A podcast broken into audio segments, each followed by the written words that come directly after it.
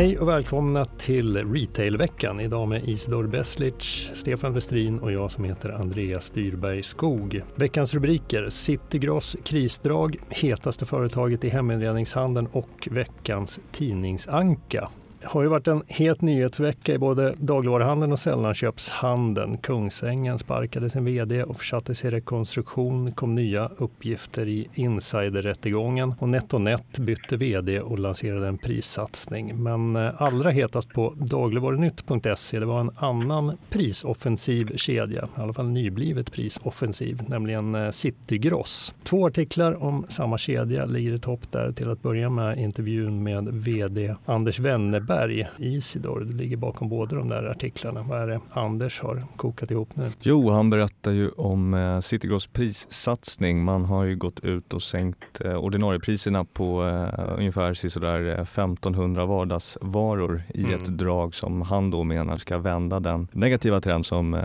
kedjan befinner sig i. Mm. Typ sist ut med prissatsning. Ja, det har ju varit eh, många olika prisutspel. I våras hade vi ju eh, Lidl, Coop, eh, ICA bland annat. Citygross har ju tidigare gått ut med eh, liknande drag men de har ju mer varit riktade mot kundklubbarna. Mm. Det här är ju en satsning man gör som är ämnad för alla kunder egentligen. Bred prissänkning, sänkning av ordinarie priser på vad det, 1500 varor. 1500 varor och det rör sig om eh, ja, allt ifrån eh, kyckling till tvättmedel. Och det kan behövas. Vi har sett GFK-siffrorna under året har ju sett ganska tuffa ut för Citygross och eh, Anders Wennerberg själv eh, är ju ganska öppen med att det är pressat läge för Citygross. Det är ett pressat läge och, och vad gäller de här eh, marknadsundersökningarna så kan vi se att, att Citygross tappar ju egentligen under hela det här året i, i, i viktiga mätvärden som mm. penetration, lojalitet och eh, snittkvitton. Det finns en trend man vill eh, vända. Man har eh, ju pratat om att eh, tidigare, man har ju varit inne i en integration eh, in i Dagab. Mm, Axfood har ju gått in i ägarledet till Citygross och den blev ju färdigställd i vintras. Och Wennerberg pratade redan då om att man har suttit lite fast i det arbetet och nu vill man lägga fram lite fler offensiva aktioner eh, och det här mm. är, är, då en tydlig del i det. Eh, och sen kan man ju också säga det att eh, Matpriskollens siffror har ju visat att Citygross under ganska lång tid legat i toppen vad gäller just prishöjningarna i årstakt. Man har alltså mm. alltså höjt mer än konkurrenterna i, i procent. Så det är kanske också ett sätt att liksom komma ner i, i den aspekten. Mm. Vi går vidare till nästa Citygross-artikel. Det handlar om exklusiv data från Extreme Insight om vad kunderna faktiskt tycker om Citygross. Om du summerar Isidor, vad får den för betyg? Det är lite spretigt kanske, men eh, högst betyg i alla fall, det får man eh, enligt Extreme Insights eh, i sitt färskvarusortiment. Högst betyg.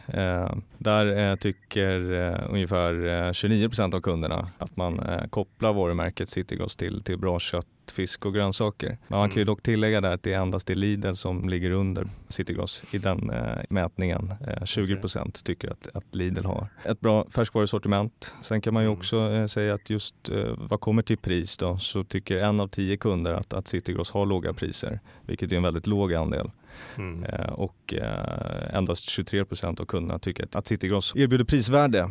Eh, det kan man jämföra med, med 59 procent ungefär för Willys eller 44 procent för ICA. Ja, det är intressant det här med färskvarubiten tycker jag. De har ju alltid profilerat sig väldigt starkt på det, inte minst med sina manuella köttdiskar eller butikspackat kött i alla fall. Att de ändå klarar sig så pass dåligt i relation till de andra. De kan ju knappast vara nöjda med att få samma betyg som Willys eh, när det gäller nöjdhet med färskvaruutbudet. Nej, det tror jag inte. Och eh, sen är det så där att Extreme Insights eh, bakar ihop eh, eh, siffrorna för, för alla. Eh, man redovisar inte formaten separat så att eh, ICA och Coop är liksom ihopklumpade här. Mm. City Gross mäter sig ju främst förmodligen med stora Coop och ICA Maxi. Mm. Och som du nämnde, ingen vidare betyg när det gäller prisnivån heller. Visar väl om inte annat är hög tid med en prissatsning från Citygross sida. Det tycker nog eh, eh, Anders Wennerberg i alla fall. Han var ju tydlig där med att ja. Eh, han vill att eh, någonting ska hända. Det är ditåt marknaden rör sig, eh, mm. eh, låga priser och eh, det måste finnas ett konkurrenskraftigt erbjudande från Citygross. Yes, vi går vidare till market.se.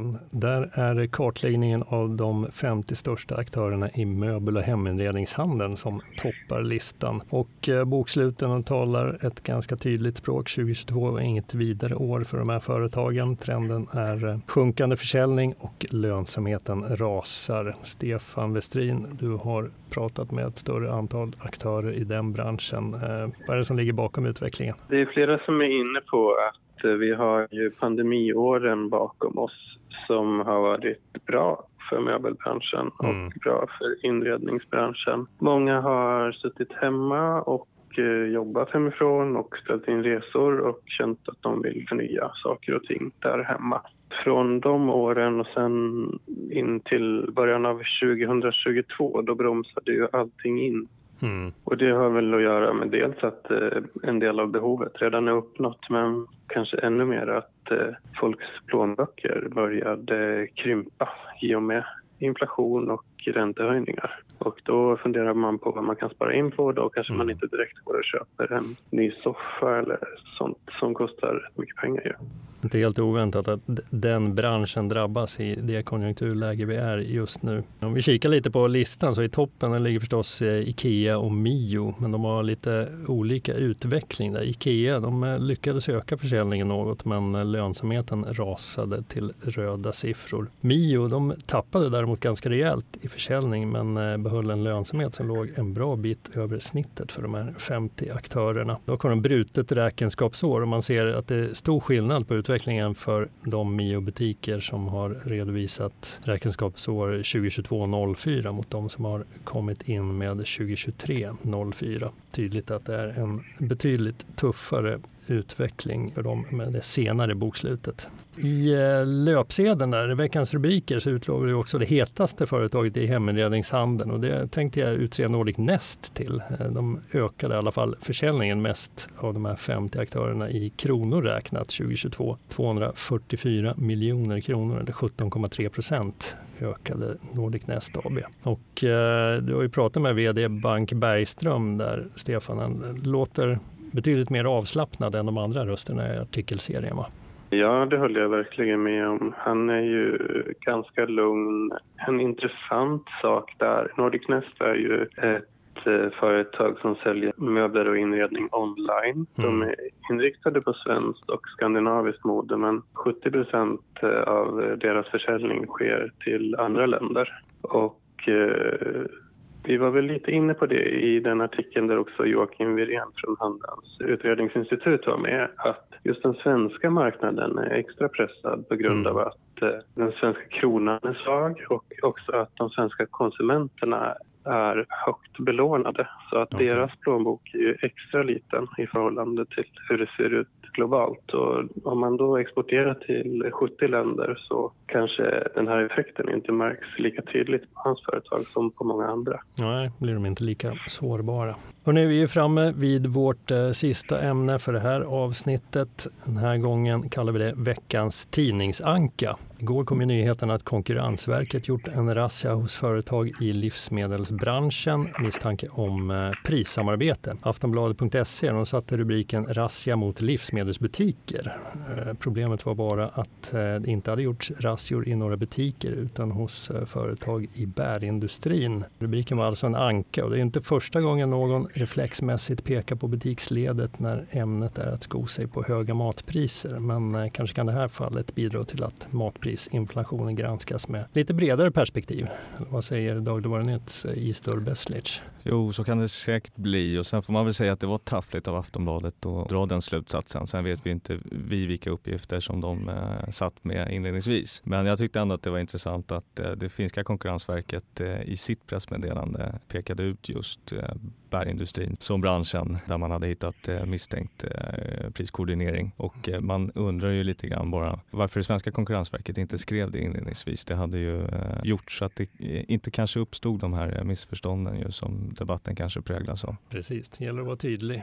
Nu är det dags att runda av för idag. Ni har lyssnat på Retailveckan, en podd från Market och Dagligvarunytt. Ansvarig utgivare Fredrik Svedjetun. Vi hörs igen nästa vecka. Hej då! Hej hej! Hej hej!